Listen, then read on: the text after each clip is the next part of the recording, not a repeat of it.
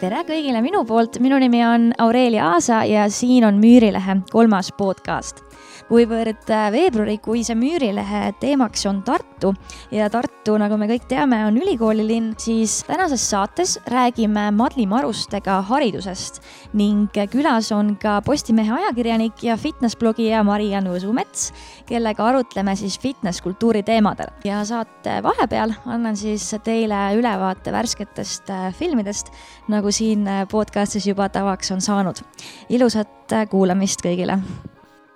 ja esimeseks külaliseks äh, täna on Madli Maruste, kes on töötanud pikalt äh, õppejõuna, lisaks kirjutanud ka erinevaid äh, kooli või ülikooli haridusi teemalisi artikleid ka Müürilehes ning hetkel siis tegelikult ta hoopis tegutseb Hiiumaal, kus ta püüab siis käima tõmmata oma rehielamut et ja täna oleme siin, et arutadagi laiemalt siis just sellise hariduse teemadel ja kõigepealt äh, ma võib-olla lähtuksingi sellest äh, artiklist, mis sa siis kirjutasid äh, jaanuarikuisesse Müürilehte, kus sa veidikene võib-olla siis kritiseerid sellist tänapäeva ülikooli, et sa tood seal välja, et, et ülikool on nagu suur korporatsioon ja et, et seal võib-olla ei olegi sellist nii-öelda suurt innovaatilisust, ma võib-olla toon siit ühe tsitaadi välja ka, mis mulle meelde jäi, et tsiteerin siis. Need õppejõud tegelevad küll seksikate vasakpoolsete teemade ja akadeemilise sõjaturismiga, kuid ei võta oma töös tugevat ning eristuvat poliitilist seisukohta. kõik jäägu hea tava ning maitsekuse piiridesse, et ülikool oleks jätkuvalt mõnus ja turvaline keskklassi kohviklubi et niimoodi sa siis, äh, siis kirjutasid, et, et võib-olla esimeseks äh, küsimuseks ma kohe küsiksingi, et mis on sinu meelest need muutused, mida siis äh, tänapäeval selline Lääne ülikool või ka Eesti ülikoolid peaksid tegema ja muutma mm? -hmm, tere, tänan siis kutsumast siia saatesse. no see on väga selline jah, pikk ja ja suur teema, mida arutada, aga põhimõtteliselt jah, millele ma seal tähelepanu juhtisin ongi see, et äh, võib-olla Eestis seda pole veel nii äh, märgatud ja see ei ole niivõrd selliseks suureks teemaks veel kujunenud, aga kuna ma õppisin jah, seitse aastat Londoni ülikooli doktorantuuris, siis ma nägin seal väga selgelt, et äh, ülikooli pääsemine ei käi ammu enam lihtsalt teadmistepõhiselt. üks asi on noh, mitte ainult pääsemine, vaid ka seal nii-öelda püsimine. et ikkagi need noored, kes sinna kokku on tulnud üle maailma, neil on nagu väga tugev selline sotsiaalne ja majanduslik kapital, sest muidu lihtsalt ei ole võimalik seal äh, toimetada. ja siis, mida ma silmas pidasin sellega, et äh, tegeletakse nagu seksikate vasakpoolsete teemadega, aga ei võeta seisukohta, et seda ma samuti kogesin nii seal Londonis, kui ma olen ka nüüd kogenud, eks ole, siin Eestis erinevates ülikoolides, kui ma siin ka juba õppisin, kui ikkagi sinu see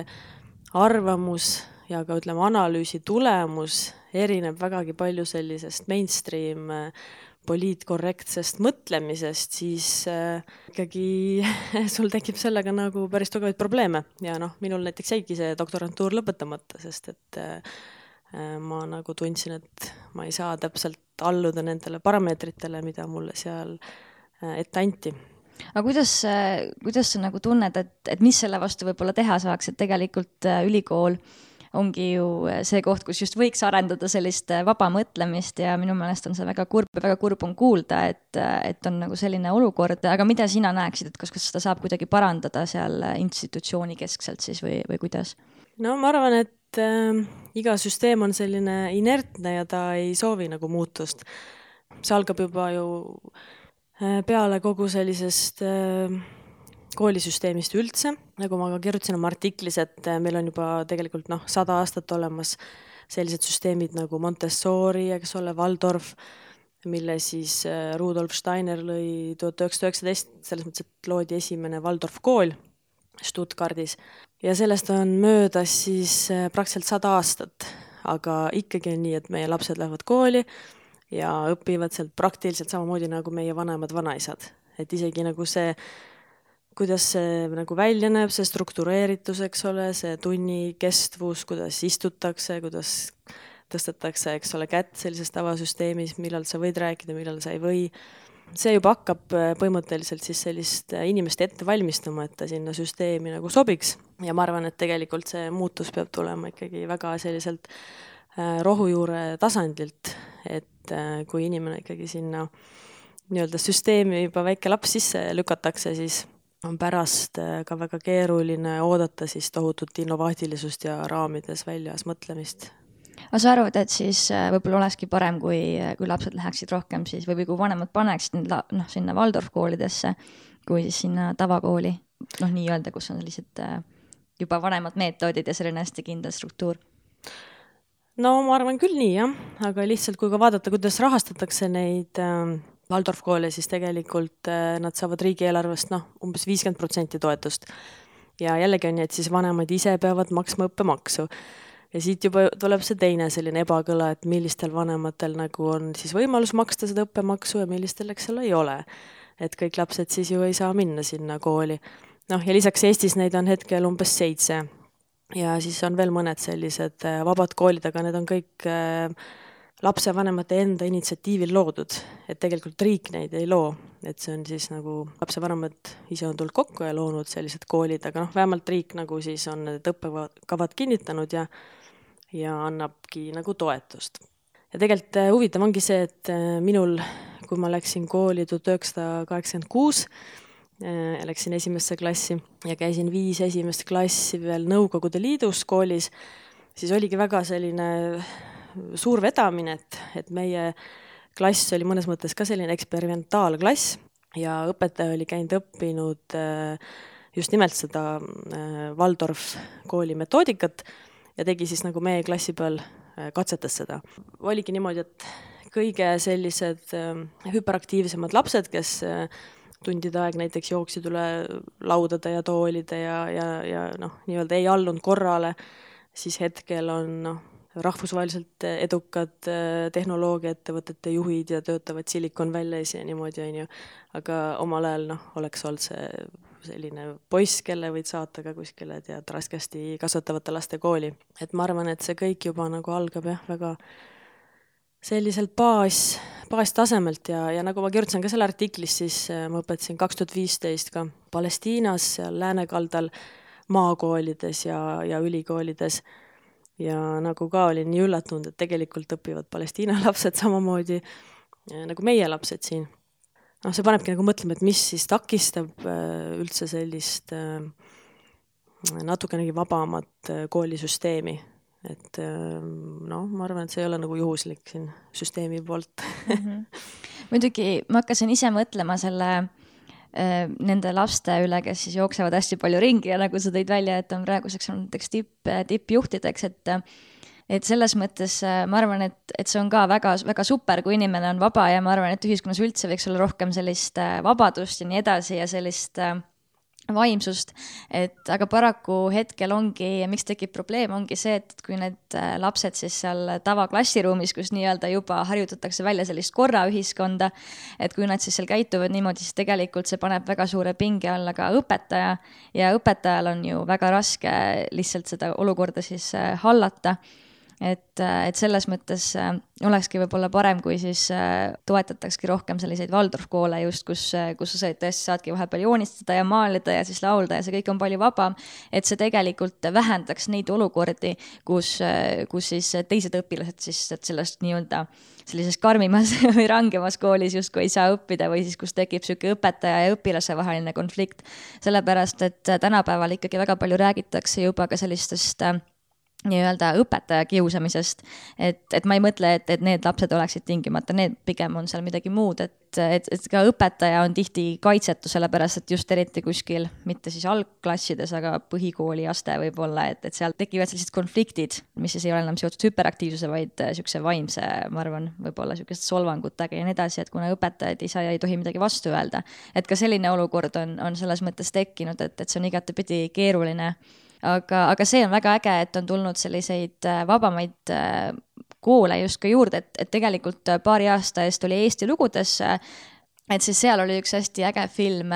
ka just hästi aktiivsetest emadest, kes -hmm. panid oma lapsed sellesse välilasteaeda või kuidas see oli, mingi ja, õue. Tartus ka. jah, jah ja. ja., et siuksed, siuksed asjad on minu meelest väga ägedad, et inimesed ise, ise võtavad kätte ja teevad ja, ja see on küll, seda ma küll arvan, et lasteaias kindlasti oleks vaja rohkem sellist äh, loodusega kooskõlastamist juba ja väljas mängimist ja, ja kõike seda. Äh, see ongi väga tore, aga siis lihtsalt tekib küsimus, et, et miks nagu seda peavad tegema siis nii-öelda inimesed ise, eks ole, sest kõigil ju neil ka tavaliselt on oma töö, oma karjäär ja siis äkitsi nad peavad hakkama nagu tegelema siis õpetajaks või lasteaiakasvatajaks olemisega, on ju. et äh, miks tulevad nagu nii suured käärid, et inimesed peavad ise tundma, et vot nüüd me hakkame sellega ise tegelema, et, et kui selline tahtmine on olemas, siis tegelikult see ju võiks olla ikkagi ka riigi poolt äh, pakutud rohkem selliseid võimalusi. Sest et see ei ole ju nagu inimese kohustus, et hakata siis ise oma kodus kooli pidama, on ju kuigi jah, paljud seda teed on läinud või siis äh, valinud ka selle koduõpetuse, sest nad lihtsalt ei taha oma last õpetada samade mustrite järgi nagu vana, vanaemad ja vana-vanaisad õppisid, on ju. see tundub kergelt nagu absurdne. jah, ja mis puudutab seda, et tekivad konfliktid, noh, siis ma isiklikult, äh, kui ma mõtlen oma kooliaja peale, siis meil olid ka väga suured äh, konfliktid paljudel õpetajatega ja see kõik ikkagi äh, Äh, põhines sellele, et me ei tahtnud järgida neid reegleid, mida meile nagu peale suruti, sest need tundusid nagu juba siis ka väga sellised vananenud, eks ole. aga võib-olla siit läheme siis edasi selle uue teema juurde, et Lauri Tankler just äh, hiljuti Eesti Päevalehes äh, tegi artikli sellest, et kuna suvel siis peaks toimuma selline haridusseadustiku muudatus, siis arutatakse lihtsalt, see on kõik spekulatsiooni levelil, aga arutatakse selle üle, kas siis ülikooli võiks saada näiteks ilma gümnaasiumitunnistuseta või siis ka, et kas magistrisse võiks saada ilma bakalaureuse diplomita seda debatti on ka varem põrgatatud ja siis tavaliselt ongi see olnud seotud äh, sellega, et kui inimene on teinud näiteks kolm aastat, ütleme selle erialaga sobituvat tööd, et siis kas talle võiks, äh, võiks anda siis selle võimaluse liikuda haridusastmel edasi, et kuidas sina sellesse suhtud või mis mm -hmm. on mhm. sinu mõtted? Äh, nojah, seesama süsteem on, ütleme, Suurbritannias ka juba ammu, ammu nii-öelda nagu toimimas. aga lihtsalt, kui ma selle peale mõtlen, siis tekivad hoopis sellised küsimused, et, et noh, ikkagi see on selline diplomikeskne lähenemine, et nagu diplom on siis see, see näitaja, eks ole, ja siis samuti need küsimused, et kes ja milliste kriteeriumite alusel nagu otsustavad. et ikkagi otsustavad nagu sellised ametnikud, haridusametnikud ikkagi mõõdetakse inimest nende ette antud nagu näitajate järgi, eks ole. et äh, kui suurt muudatust see, see tegelikult nagu siis läbi viib ühiskonnas ja ja, ja noh, tõesti, et kas, kas, kas see inimene, kes juba on nagu iseennast kuidagi harides või tõesti maailmas rännates või kuidas iganes äh, mingile sellisele tasemele viinud või läbi oma loomingulise tegevuse äh, et eh, kas see, kui ta sinna süsteemi tagasi läheb, et kas see on temale siis nagu kahjuks või kasuks? no mina isiklikult mõtlesin seda, et, et minu meelest see oleks isegi päris, päris hea, kui oleks võimalik minna ilma gümnaasiumi tunnistuseta siis äh, bakalaureuseastmesse mm, -hmm. sellepärast et äh, et lihtsalt väga-väga raske on, tähendab, meil on küll näiteks täiskasvanute gümnaasiumid, kus siis on võimalik seda puuduolevat äh, gümnaasiumiharidust omandada, aga aga ma arvan, et see on ikkagi väga raske sinna tagasi minna just eriti seetõttu, et tegelikult need asjad, mida gümnaasiumis õpitakse, inimene unustab need ära ja, ja neid teadmisi tegelikult ikkagi väga paljudel ülikooli erialadel absoluutselt ei rakendata, et võib-olla jah, kirjandust ja, ja midagi seal veel, et et loomulikult sul võiksid olla elementaar, elementaarsed teadmised siis näiteks geograafiast on ju, et, et aga üleüldiselt ikkagi see ei ole selline põhi, põhiteema seal, et, et selles mõttes mina arvan, et oleks hea, kui pakutakse inimestele seda võimalust, et äh, haridustega jätkata ja seeläbi näiteks saavutada siis parem mingi positsioon, tööalane positsioon või üldse vahetada eriala või midagi sellist. et, et, et lihtsalt ma arvan, ma arvan, ma ei tea, aga ma usun lihtsalt, et see täiskasvanute gümnaasiumis seal vahepeal võib olla väga suur takistus, näiteks kui ma mõtlen, et mina ise peaksin sinna tagasi minema, siis ma arvan, et see oleks nii raske, see oleks juba äh, igatpidi nii mentaalselt kui ka siis eh, teadmiste mõttes, et, et ma ei kujuta ette, et ma peaksin hakkama matemaatika ülesandeid lahendama näiteks, et, et minu meelest see oleks oleks väga huvitav, et muidugi see arvatavasti loob ka väga palju neid vastuolusid siis, et miks me kõik et juba tulid ka, tähendab, mingid vastuargumendid kuskilt, et äkki see loob siukse, siukse tunde, et aga miks ma üldse gümnaasiumisse lähen, et ma hakkan kohe tööle ja siis äh, pärast saan sisse, aga see kindlasti ei oleks tegelikult nii, et ma arvan, et see annaks äh, just võimaluse nendele mingitele inimestele, kes üldse tahavad seda jah, ei, igasugune paindlikkus on kindlasti tervitatav, aga jah, kui nagu äh, mõelda selle peale, siis jah, minul ka oli terve keskkool olid mul reaalained olid kolmed-kahed, eks ole. ma absoluutselt lihtsalt kuidagi ei saanudki neist sotti ja nad ei huvitanud mind. et ma arvan, et selleks vanuseks juba inimene on küllaltki nagu välja kujunenud, kui ma vaatan nagu oma sõpru või pereliikmeid, et äh, tegelikult see jah, selline tohutu tuupimisnõue seal keskkoolis ikkagi, ikkagi väga pärsib inimest, jah.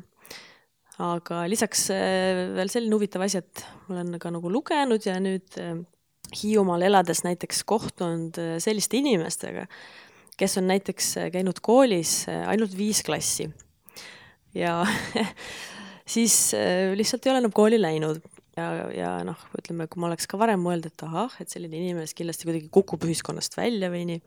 et siis tegelikult äh, see ei ole üldse tõsi, selles mõttes, et nad on nagu läinud nagu hästi vabalt nagu sellist rada, mis neid huvitab ja tundnud, et see on nagu nende kutsumus ja näiteks äh, tehnikaala siis, et on hakanud juba lapsest peale igasuguseid raadioid ja masinaid lahti võtma, kokku panema ja, ja siis sealt lähtuvalt äh, näiteks töötavadki praegu siis arvutite parandajatena ja mida iganes. Et äh, ma arvan, et tegelikult see inimese ja lapse selline anded kujunevad juba väga noorelt välja ja lihtsalt kui lasta nagu neil niimoodi vabalt areneda, siis võib jõuda hoopis huvitavate tulemusteni aga üks äh, mõte veel, et kuidas sina näiteks suhtuksid, äh, kui magistriõpe oleks üks aasta, et näiteks Hollandis äh, ma tean, et et on paljudel erialadel see, et sul magister ongi üks aasta, see on selline intensiivõpe ja, ja tegelikult sa omandad siis need teadmised noh, mis sa näiteks siin omandaksid kahe aastaga, siis seal ühega, et kas mhm. Eesti näiteks võiks ka rakendada selliseid asju? no Suurbritannias on samamoodi ja miks seal on ta viidud ühe aasta peale, põhjuseks on seal raha. et õppemaks seal, ütleme, Cameroni valitsus jah, tõstis kolmekordistas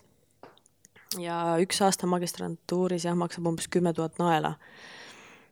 ja, ja tegelikult noh, algselt neil oli ka magistrantuur kaks aastat, aga see nagu viidi ühe aasta peale ma nägin nagu oma sõprade pealt ja ma elasin seal ühiselamus ja nägin, et eh, kuidas need magistrandid seal siis eh, selle eh, aastase magistrantuuriga siis nagu hakkama pidid saama, et, et see oli ikka kergelt noh, hullumeelne, sest tegelikult jah, see kaks aastat oli pressitud nagu ühe aasta peale ja, ja noh, ehm, neil polnud mitte mingisugust sellist momentigi, et nad saaksid kuidagi reflekteerida selle üle, mida nad põhimõtteliselt lihtsalt jah, nagu siis äh, õppima pidid ähm, noh, meeletutes, eks ole, kogustes teksti lugema, mis on niisugune Briti akadeemiale väga omane,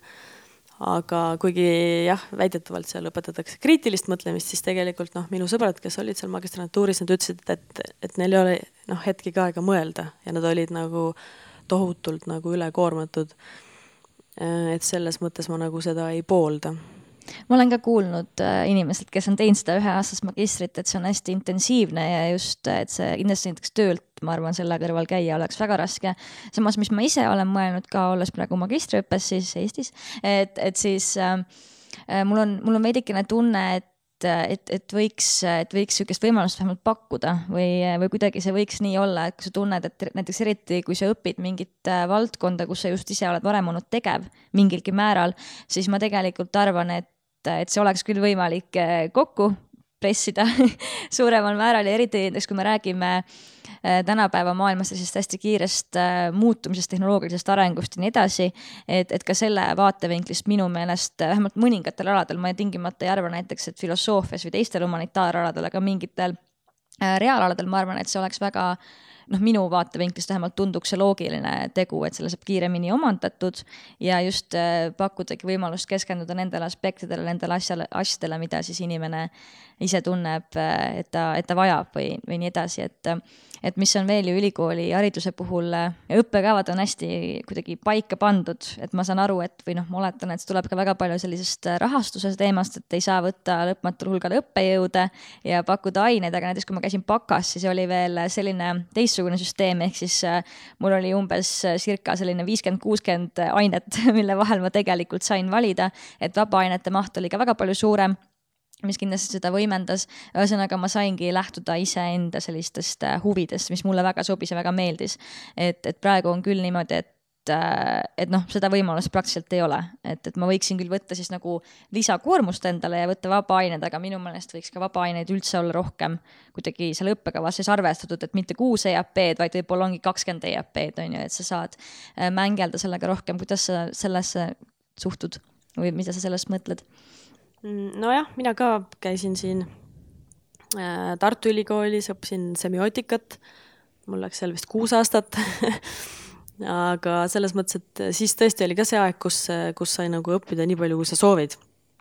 ja mida iganes aineid sai, sai ikkagi tõesti endale nagu nii-öelda sisse ahmitud, et oli väga nagu äh, just selline mõnus keskkond. sellepärast ma ei saa ka aru sellest äh, ideest, et noh, öeldakse natuke negatiivselt, et igavene üliõpilane on ju mm. -hmm. aga ma loodan, et iga inimene on selline igavene õpilane, et et ei lõpeta õppimist elu lõpuni. kuid jah, ma saan aru sellest jah, rahastamissurvest ja nii edasi. ja noh, muidugi mina räägin sellise sotsiaalhumanitaarteaduse nurga alt, et et omaette valdkond on jah, kõik siis ütleme, arstiteadus ja kõik need reaalteadused, et, et seal see paindlikkus ei ole nagu nii sellis, selline lihtne, eks ole, et, et, et saada arstiks, sa ikkagi pead läbima kõik need etapid, ma kujutan ette. aga jah, ütleme selline humanitaar, sotsiaalvaldkonnas selline paindlikkus oleks nagu hea, et võib-olla kui inimene saakski nagu kokku panna siis magistri nagu mõnest, ütleme, paarist nagu ainest ja võtta siis seda hästi süvendatult, ütleme nagu aasta aega, on ju. Et siis oleks võib-olla sellel tõesti mõtet, ta on nagu varem juba selle teemaga nagu tegelenud, siis võib-olla töötanud ja siis tahab saada siis mingit sellist süvendatud võib-olla akadeemilisemat ähm, teadmist mingist kindlast nagu valdkonnast, et siis see aasta ajaga nagu võib-olla õig-. Aga mida sa üldse arvad võib-olla siin lõpetuseks, et kuidas saaks humanitaaralasid ja ka sotsiaalvaldkonda tegelikult ja kunstivaldkonda, et, et see nende alade haridust äh, rohkem võimustada ühiskonnas või nagu tõsta kõrgemale positsioonile, et see haridus äh, justkui ei ole nii-öelda nii kõrgelt väärtustatud, kui ta peaks olema? No ma arvan, et see tuleneb sellest, et mida ühiskond äh, üleüldiselt nagu väärtustab, et milliseid väärtusi siin nii-öelda propageeritakse ja maailmas laiemalt, et kuna hetkel on selline neoliberalistlik maailmakorraldus, siis äh, hinnataksegi tehnoloogiat ja majandust ja, ja et, et eks ta ju sealt kõik tuleb. et äh, kui inimesed võib-olla hakkavad natuke laiemalt mõtlema, mida ma nagu näen, et praegu ühiskonnas tegelikult toimuvad sellised protsessid, et selline kriitiline mõtlemine on nagu aktiviseerunud, on ju, seoses ütleme keskkonna ja metsateemadega, et, et ma arvan, et siis äh, hakatakse ja juba praegu ma näen, et hakataksegi väärtustama ka sellist äh,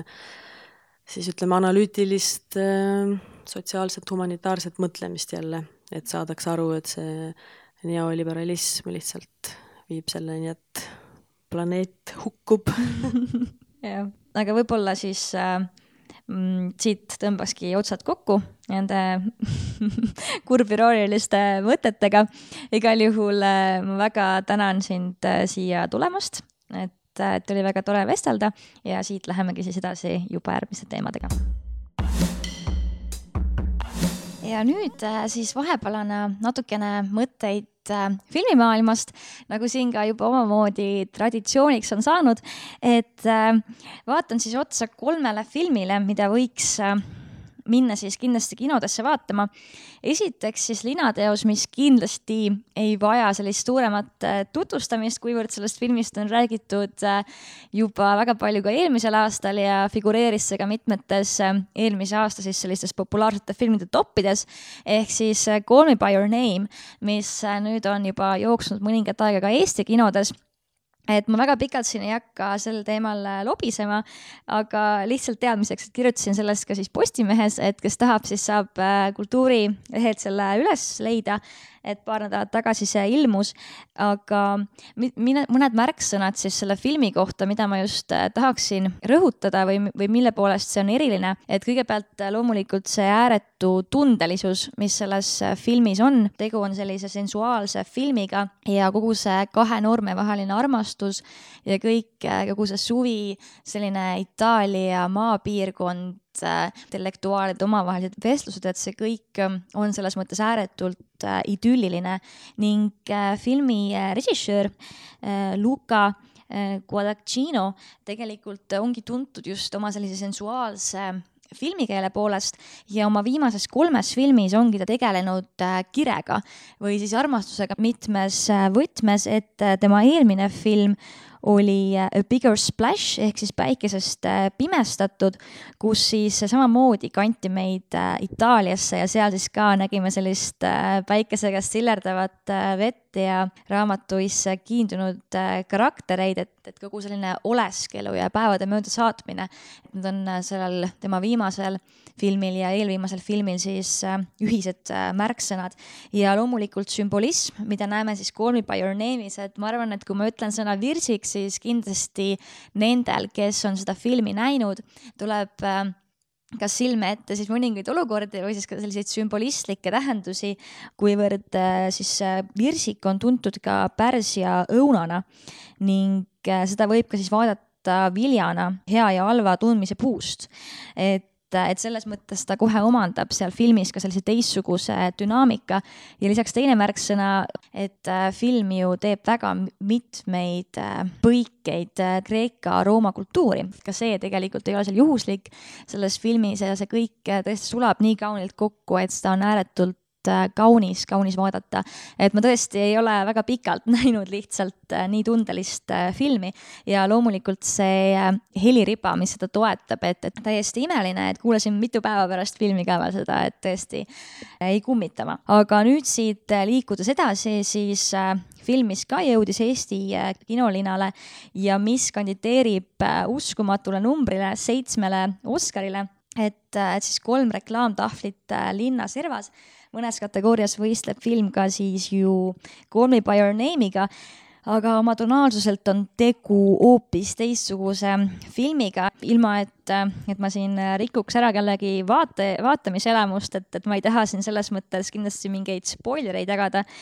aga eh, keskmes on siis üks naine, kes siis eh, väga valusal viisil on kaotanud oma tütre ja tegelikult see film siis ongi justkui tema selline eh, teekond siis proovimaks kuidagi leida seda siis süüdlast, et selline võiks olla see sünopsis. aga mis mulle sealt filmist just silma jäi, oligi see, kuidas see film näitab inimeste mitmetahulisust, et, et filmis on tõesti ääretult tugevad kõrvalkarakterid mille eest siis ka on Oscari nominatsioonid juba esitatud ning äh, see film siis toobki välja, et, et inimestes on nii palju erinevaid äh, poolusi ja nii edasi ja, ja justkui tänapäeva siis sellisest sildistamiskultuurist läbi imbunud maailmas on see kõik väga-väga selline eluline vaadata ja tõesti see film on ääretult paeluv, see süžeeline käik põimub ja hüpleb ja mängib, et et, et seal on ühtaegu mingisugust sellist äh, kerget äh, musta huumorit ja see film on ka tituleeritud või nii-öelda siis nimetatud komöödiaks, mida ta kindlasti selles mõttes ei ole, et, et see oleks äh, selline väga veider komöödia, et, et ta pigem ikkagi on selline sügav trillerlik draama, aga seal on tõesti ääretult palju elulisust sees.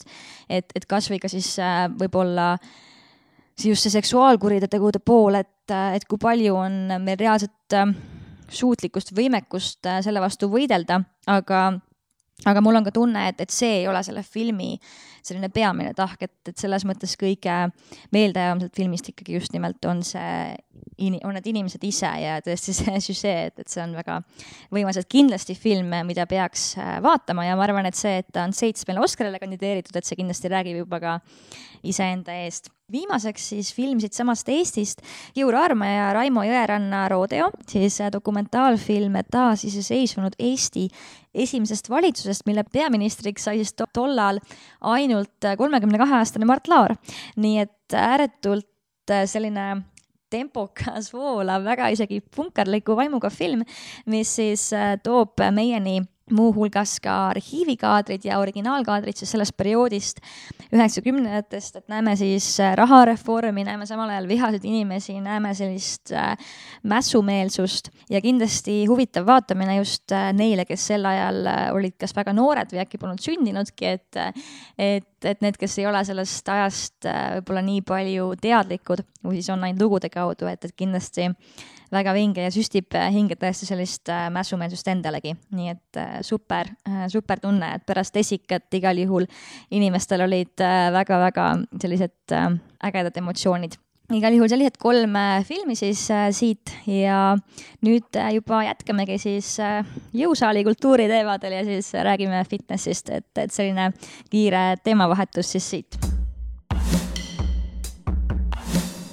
aga nüüd jätkamegi siit siis fitness teemaga ja minuga on siin äh, Mariann Võsumets, kes töötab Postimehes, aga kellel on ka fitness blogi, nii et äh, temaga siis avamegi sellist äh, fitness kultuuri sellist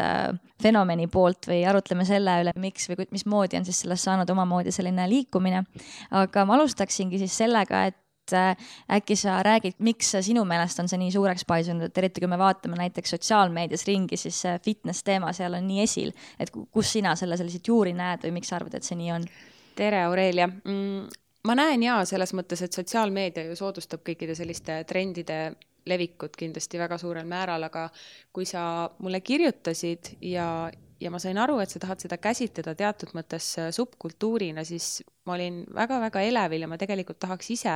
väga lugeda rohkem sellealast kirjandust või näha, et keegi käsitleks seda üldsegi mitte halvas mõttes subkultuurina, sellepärast et fitnessi liikumisel tänapäeval tegelikult on juba päris palju selliseid spetsiifilisi tunnuseid, keskkondi, kus ta levib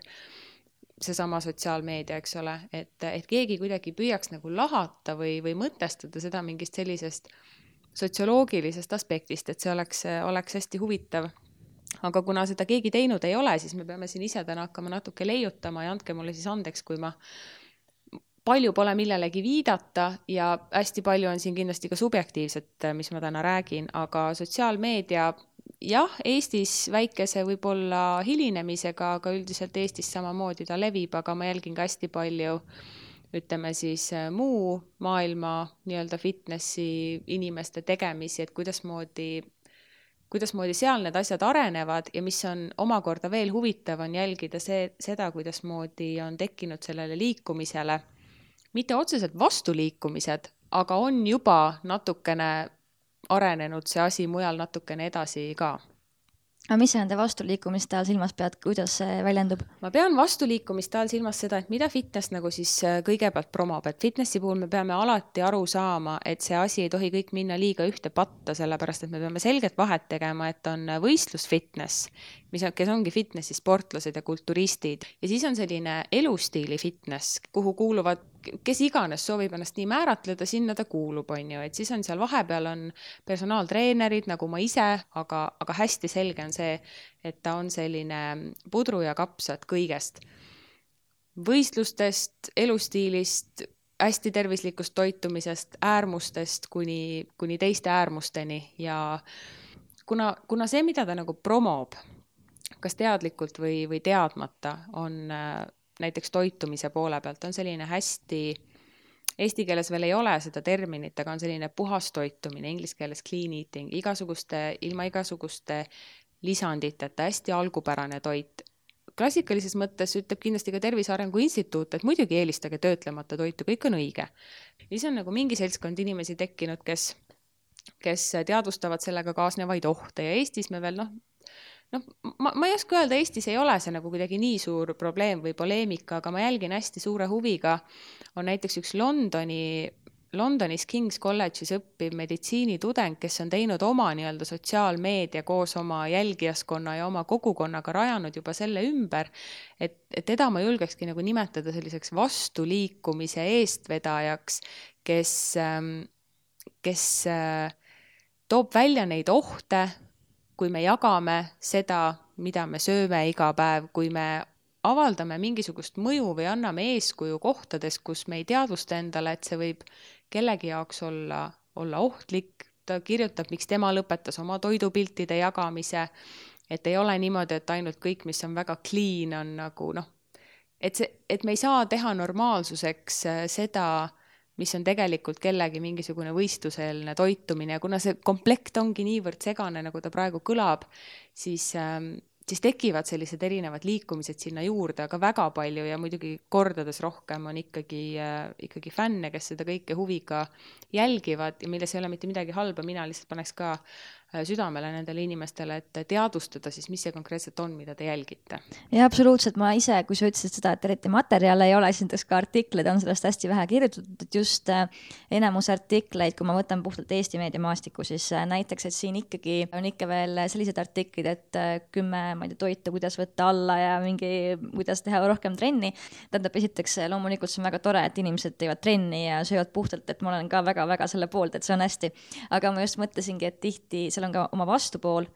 kindlasti, et just see, mis sa välja tõid, et kui langetaksegi kui tavainimene, siis langeb äh, äärmustesse nii-öelda, et mis võib talle osutuda ka ohtlikuks. Ja siis ma leidsin niisuguse artikli The Guardianist, et siis seal oli just päris huvitavalt toodud välja inimesed, kes siis jälgivad mingisuguseid äh, fitnessi sotsiaalmeedia staare. Ja nad olidki neid jälginud, aga nad olid ise olnud hoopis teistsuguses füüsilises vormis või siis näiteks ka teises vanuserühmas, et siis nad tegid järgi neid samu ülesandeid, mida siis nii-öelda see kahekümne aastane selline hästi fit Äh, inimene, et nad said sellest väga suuri vigastusi, seal oli näiteks lugu ühest naisest, kes sai vigastuse ühesõnaga, aga, aga tema sai ja ta võttis töölt ka puhkuse, sellepärast ta ei saanud tööl käia, aga tema sõltuvus sotsiaalmeediast oli nii suur, et ta läks ikkagi trenni. Et, et see minu jaoks tõi välja just selle, et, et see sõltuvus võib äh, olla noh, kui tekib tõesti selline obsessioon juba sellega, et siis see võib muutuda inimesele ohtlikuks kindlasti. me peame sellest aru saama, et kui on inimesi, kellel on mingisugune meditsiiniline probleem, sest ilmselgelt, kui sa võtad ennast töölt vabaks ja sa obsessid mingisuguse asjaga, siis noh, me ei saa seda nagu mingi spordiala süüks kirjutada või mingi nähtuse nagu sotsiaalmeedia arvele panna, et see on selle inimese probleem selgelt, kui ta hakkab niimoodi käituma. peame rääkima jah, nagu, nagu kehakuvandist võib-olla, et, et see ilmselt, mida need inimesed, kes endale harjutuste ebaõige sooritamisega nagu vigastusi tekitasid, et ähm, nojah, eks nad ilmselt taotlevad siis seda, seda kehakuvandit, mida meile müüakse, aga meil on ju läbi aegade müüdud igasuguseid äh, erinevaid iluideaale, eks ole. aga nojah, see oht on, et kui sa, kui sa jälgid kedagi nagu pimesi ja sa sa ei tee omale nagu sellist A-d ja O-d treeningute ja toitumise põhjal selgeks, siis noh, see on iga asjaga niimoodi, et kui sa pea ees sinna sisse hüppad, siis sa saad nagu varem või hiljem nagu haiget, on ju. ja võib-olla üks asi veel, mida sotsiaalmeedia kultiveerib treeningute seisukohast on ka, on see, et mida keerulisem ja mida nagu fancy im harjutus ja mida ägedamad riided sul seejuures seljas on, seda nagu parem. aga samas äh, mul oli kunagi üks äh, personaaltreeningu klient ja minu meelest see illustreerib päris hästi seda, ta ütles mulle, et et äh, ta ei taha neid algajate harjutusi teha nagu kükk ja lõuatõmbed. ta tahaks teha neid edasijõudnute harjutusi nagu biitsepsile ja triitsepsile ja võib-olla ka säärele midagi. et, et mind kuidagi, mul jäi siiamaani kriibib hinge see, et kükk on algajate harjutus lihtsalt sellepärast, et jumal küll, kui paljud inimesed siis veel võivad seda mõelda. et äh, see on ka otseselt, ma arvan, selline noh, kas sotsiaalmeediast või mingisuguse muu klikimeedia jälgimise nagu produkt, et inimesed niimoodi mõtlevad. et ma ikkagi arvan, et seda, seda inspireerimist ja niisugust positiivse tõuke andmist on seal ikkagi rohkem kui seda halba mõju. aga see halb mõju on see, mis on ohtlik millest me peame rääkima, ta saab ebaproportsionaalselt palju rohkem tähelepanu võrreldes sellega, kui palju ta ikkagi inimesi innustab. ka mulle teinekord kirjutavad täiesti võõrad inimesed ja ma ei pea ennast nüüd äh, teab mis äh, sotsiaalmeedia staariks ega taotlegi seda, aga inimesed ikka kirjutavad, sa ei pea isegi sa võid olla lihtsalt täiesti tavaline inimene, minna üks päev trenni, panna sellest pilt üles ja kui su sõber vaatab, ütleb, et pagan, ma mõtlesin, et ma täna ei viitsi, aga no vot, nägin su pilti, et läksin ka. no jumal küll, see on ju tore jah, et kui nagu vastutustundetult jagada kas või oma kuidas öelda siis menüüd, eks ole, noh, kui me räägime sellest, et on fitnessi liikumine ja meil on teatud terminoloogia ja asjad, mille sees me nagu toimetame ja millest võib-olla nagu täiesti kõrvaline inimene ei pruugi aru saada, siis üks asi on kindlasti toitumise teemal on makrod sina tead, mis on makrod, kas sa oled sotsiaalmeediat jälgides juba saanud aru, mis need tegelased on? et noh, makrodest räägitakse selles mõttes nagu, nagu palju ja makrodest räägivad tänapäeval ka kaheteistaastased tütarlapsed, võib-olla ka poisid, ma ei tea, aga kaheteistaastased, kolmeteistaastased justkui see oleks nagu mingisugune kivisse raiutud selline õnnevalem, et mis see õige makrode jaotus on, ehk siis kui palju ma pean sööma süsivesikuid, valke ja rasvu. Ja kui sa vaatad, juhtumisi näed, et keegi võistlev fitnessi sportlane on jaganud enda menüüd, kui palju tema sööb, ma ei tea, nädal või kaks enne, enne võistlusi, et kui seda hakata nagu kopeerima, ühest küljest on see võib-olla selle äh, selle jagaja suhtes jagaja poolt vastutustundetu, aga teisest küljest äh, noh, see, kes seda lõpuks rakendab, ega siis noh, see on ikkagi tema, tema nagu enda otsus endale niimoodi teha. aga lihtsalt see läheb järjest nooremate ja nooremate laste pärusmaaks juba. tundubki, et noh, et kui ma kopeerin seda nagu üks-ühele, et ju siis tuleb seesama tulemus ja ja, ja see on nagu selline võib-olla ohtlik tendents. et ja loomulikult, et sotsiaalmeedia üldse siis äh, võimendabki igasuguseid neid selliseid poolusi nii-öelda, et, et see tekitabki selle olukorra. aga võib-olla, mis on veel huvitav just selle fitnessi puhul, ongi see, mida sa juba pooleldi ka mainisid, selline igapäeva, noh, fitness ei ole õige sõna, aga, aga kuidagi see ongi see ekstreemne või noh, mitte ekstreemne toitumise jälgimine siis, või siis samamoodi ka näiteks sammude mõõtmine, et, et, et sa vaatad, palju sa oled kõndinud, et samamoodi tegelikult moesuunana need need äh, spordiriided on ühed kõige sellised äh, kiiremini et see on üks kiiremini kasvavaid siis riidetööstuse harusid. et selles mõttes sellest on saanudki omamoodi ka selline sotsioloogiline movement, mis, mis minu jaoks võib-olla ongi huvitav ja mida selles mõttes võikski rohkem, rohkem lahata. aga samamoodi ongi see, et, et, et mul ongi tunne, et selle juurde ongi tulnud selline väga suur tööstuse aspekt ka, et riidetööstus, see, et sul on mingi kindla firma riided, samamoodi sisuturundus, et see on väga suur äh, fitness riiete puhul ja, ja kõik see on seal ka, et ikkagi mõnes mõttes on, on ta ka äri. Sa mainisid äh, spordiriiete mm, tööstuse või nagu spordiriiete nagu sellise populaarsuse hüppelist kasvu, ma seda ei oska kommenteerida, kas nüüd erinevatest kategooriatest spordiriided kuidagi kiiremini arenevad viimasel ajal või mitte, aga varem ei olnud väga pikalt äh, nii-öelda nagu jõusaali spordiriietele spetsialiseerunud sellist tootjat, et me teame kahte suurde toot-, suurt tootjat, on Nike, Adidas on ju noh, need pigem sellised kergejõustiku või jooksuriided, aga siis oli selline, Inglismaal oli niisugune äh, punt äh, sõpru või, või koolivendi, kes otsustasid, et nemad teevad firma ja panevad sellele nimeks Gymshark. see on bränd, mis on ehitanud väga tugeva kogukonna. Ja seda on puht nagu sportlikust huvist juba niivõrd põnev jälgida, et kuidasmoodi nad promovad oma siis äh, nagu riideid ja uusi kollektsioone, mis müüvad läbi minutitega. ja, ja selle firma looja Ben Francis eelmisel kuul äh, nimetati Forbesi thirty under thirty mõjukamateks, mõjukamate inimeste seas siis, et kolmkümmend alla kolmekümne aastast äh, nii-öelda firmajuhti, kelle äri on siis hüppeliselt kasvanud, et minu meelest nende käive on juba mitmekümnetes miljonites naeltes, et nad tegid, ta peab ise ka kusjuures aktiivselt sotsiaalmeedias, Youtube'is kanalit, kus ta korraldab siis erinevaid nii-öelda selle kogukonnaga seotud üritusi ja räägib samal ajal oma karjäärist, et see on hästi-hästi huvitav, huvitav jälgida, et, et kutt on minuvanune ja sihuke, sihukesele nii-öelda kullasoonele nagu astunud, et hästi tohutult huvitav jälgimine. No see on sellepärast ka huvitav, et kui üheksakümnendatel veel äh, oli selline, sa võisid trenni minna põhimõtteliselt mingites vanades dressipükstes on ju ja mingi suvaline T-särk peale, siis, siis praegu ongi see, et, et, et väga palju tähendab, on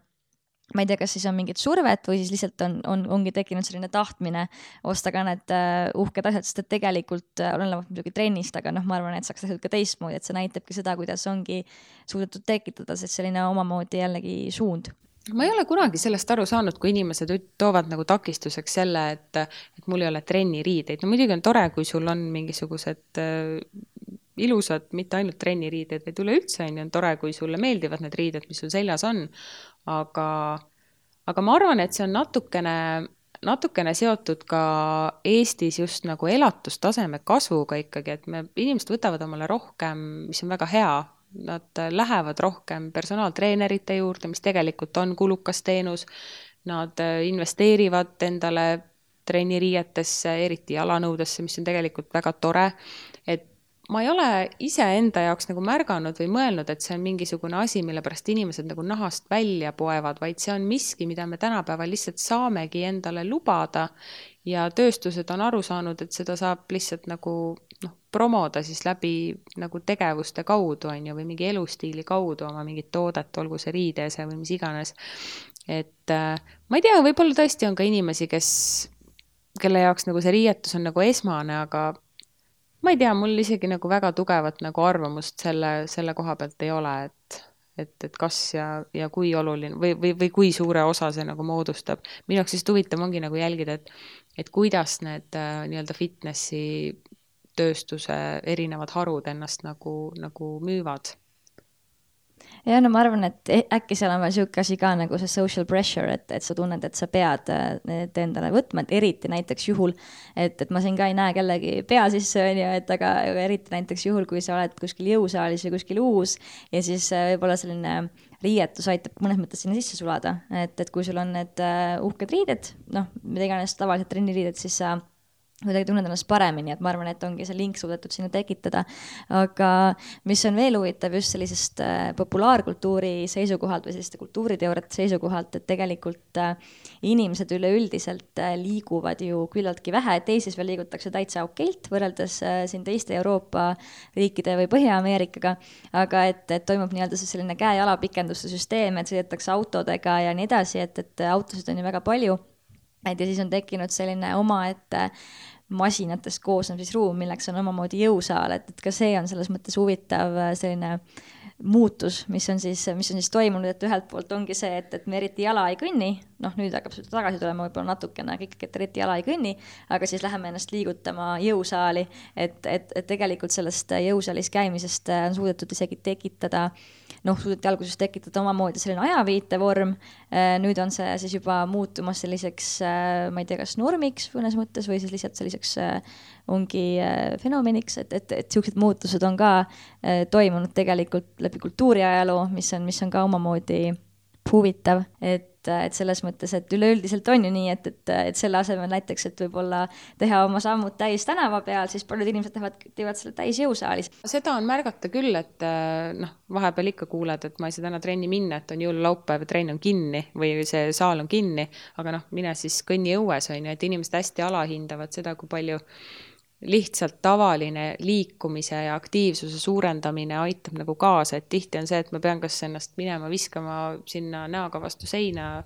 mingisugusesse body attack trenni või siis ma ei tee üldse midagi, on ju, aga noh, see on nagu omaette ooper. aga kui sa ütlesid, et inimesed ikkagi liiguvad vähem, siis äh, mis on veel nagu huvitav, et mina olles nagu selles fitnessi maailmas siis sees, on ju ähm,, näen nagu seda, mida on ka tegelikult äh, meditsiiniinimesed kinnitanud ja inimesed veel, kes on erinevates teistes spordivaldkondades tegevad, on see, et äh, käärid nagu selle tervisliku seltskonna ja ütleme, ülekaalulise seltskonna vahel äh, suurenevad järjest, et need, kes on tervislikud, spordivad ja on aktiivsed, teevad seda järjest rohkem ja võib-olla isegi liiguvad ekstreemsuste suunas, väike osa ja need inimesed, kes ei tee midagi, need, need teevad veel vähem. et,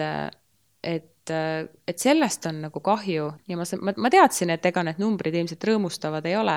aga iga teine täiskasvanu Eestis on ülekaaluline või rasvunud ja iga kolmas laps, iga teine ülekaaluline on juba see, et noh, ülekaaluline või rasvunud, on ju. aga ülekaal ongi see, et ta on juba suhteliselt selline nagu normaalne nähtus. ma arvan, et sellega me ei, ei tohiks küll nagu leppida et jah, et selle vastu võib-olla aitaks ka just, just see, mida ma mõtlesingi, et, et rohkem liikuda niisama. et, et see on ju tegelikult äh, ka võimalus, et mul on lihtsalt tunne, et see on kuidagi kadunud. inimesed nagu ei adu jah, et selles mõttes sa võid ka niisama, sa võid ümber maja joosta, see kõlab äh, kõlab nagu naljakalt, aga sa võidki ümber maja joosta, sul ei ole selleks, sa ei pea ootama seal kodulehel, et millal see kaks minutit on, millal sa neid riideid omale saad tellida, on ju. sa võid ümber maja joosta, sa võid põldu künda, see kõik on täiesti igasugune aktiivne tegevus, et see, sa ei pea ootama, et sa saaksid oma selle klubi pääsmega sinna klubisse sisse minna aga selles mõttes on huvitav, ma tahaks tegelikult sinu käest ka küsida, et, et, et mis sinu jaoks on fitness, me räägime tegelikult praegu, kui ma, kui ma nüüd korra mõtlen, millest kõigest me praegu rääkinud oleme selle veerand tunni jooksul, me oleme rääkinud kõigest, me oleme rääkinud A-st Z-ini ja fitness on võib-olla kusagil seal vahepeal. ja, ja konkreetselt inimeste jaoks, kes võistlevad, on see väga konkreetne asi, aga, aga see nii-öelda elustiili fitness, see on nagu selline mingisugune ähmane nähtus või selline nagu kogu, et äh, no mina mõtlesingi seda jah, kindlasti sellest elustiili fitnessist lähtuvalt, et, et, et mul esiteks ei ole teadmisi, et võtta sõna et sellise professionaalse fitnessi teema, et aga mina räägin jah, sellest elustiili äh, poolest just. ja no ega seda ei saagi, mitte ühtegi liikumist arvatavasti ei saa defineerida niisuguse mustvalge piirjoonega et aga ma arvan, et noh, sinna alla, see, mida mina olen silmas pidanud, sinna alla kuulubki äh, võib-olla selline fitness blogimine osalt, aga mitte tingimata, et, et ongi siis selline oma toitumise noh, pidev selline jälgimine, trennikultuur ja tõesti see, et mitte, et see oleks üldse halb, ma tõesti arvan, et see on väga tore, et inimesed teevad trenni ja julgustavad teisi trenni tegema, et, et eriti selle valguses, mis sa välja tõid, et need ülekaalulisuse või rasvumise näitajad, et, et selles mõttes kindlasti ma arvan, et, et liikumist, liikumist on vaja et, et mina ise olen rohkem seda usku, et näiteks jala võiks palju rohkem käia ja, ja et see mitte, et trenni peaks tegema, et lihtsalt, et, et just sihukest mm -hmm. igapäeva eh, jalutuskäike ka haarata sisse, et, et see on minu meelest eh, ka oluline, aga jah, et sihuke fitness eh, see kuulub ikkagi selline noh, nii-öelda, kes võtab sellist trenni mitte kui hobi, vaid rohkem nagu selline, et let's do this uh, stuff. see, mida mina nagu ideaalis näen, et no ja vaata, kui sa ütled ka, et, et sinu, sinu jaoks käib sinna alla blogimine, siis ega blogimine on see ka, kui keegi Instagramis nagu oma pildi. blogi käibki sotsiaalmeedia. absoluutselt mm -hmm. nagu noh, lihtsalt jagamine on ju sotsiaalmeedias mm. -hmm mida mina nagu tahaks ideaalis ma tihti kuulen ka seda, et ah, et sa ju jälgid seda toitumist ja sa jälgid seda ja teed seda ja sul on ju plaan ja sul on noh, sa kindlasti ei kaldu sellest kõrvale ja no ühesõnaga, et sa oled mingi üliinimene, on ju. mida mina tahan ja mida ma blogis ka tihti rõhutan, et niisugune ideaalmaailm või tulemus minu, minu tegevuse selline, selline tore tulemus, mida ma tahaks saavutada, oleks see, et inimesed hariksid ennast nendel teemadel ja õpiksid ise tegema valikuid iseenda jaoks nii toitumise kui treeningu osas. sul ei ole vaja mingisuguseid äh, toitumiskavasid mingitelt saitidelt, mida tekib praegu väga, väga palju ka juurde, et aga inimesed on jah, liiga, liiga nagu sellistes toodetes kinni või ma ei oska öelda, sellistes valmis lahendustes kinni, et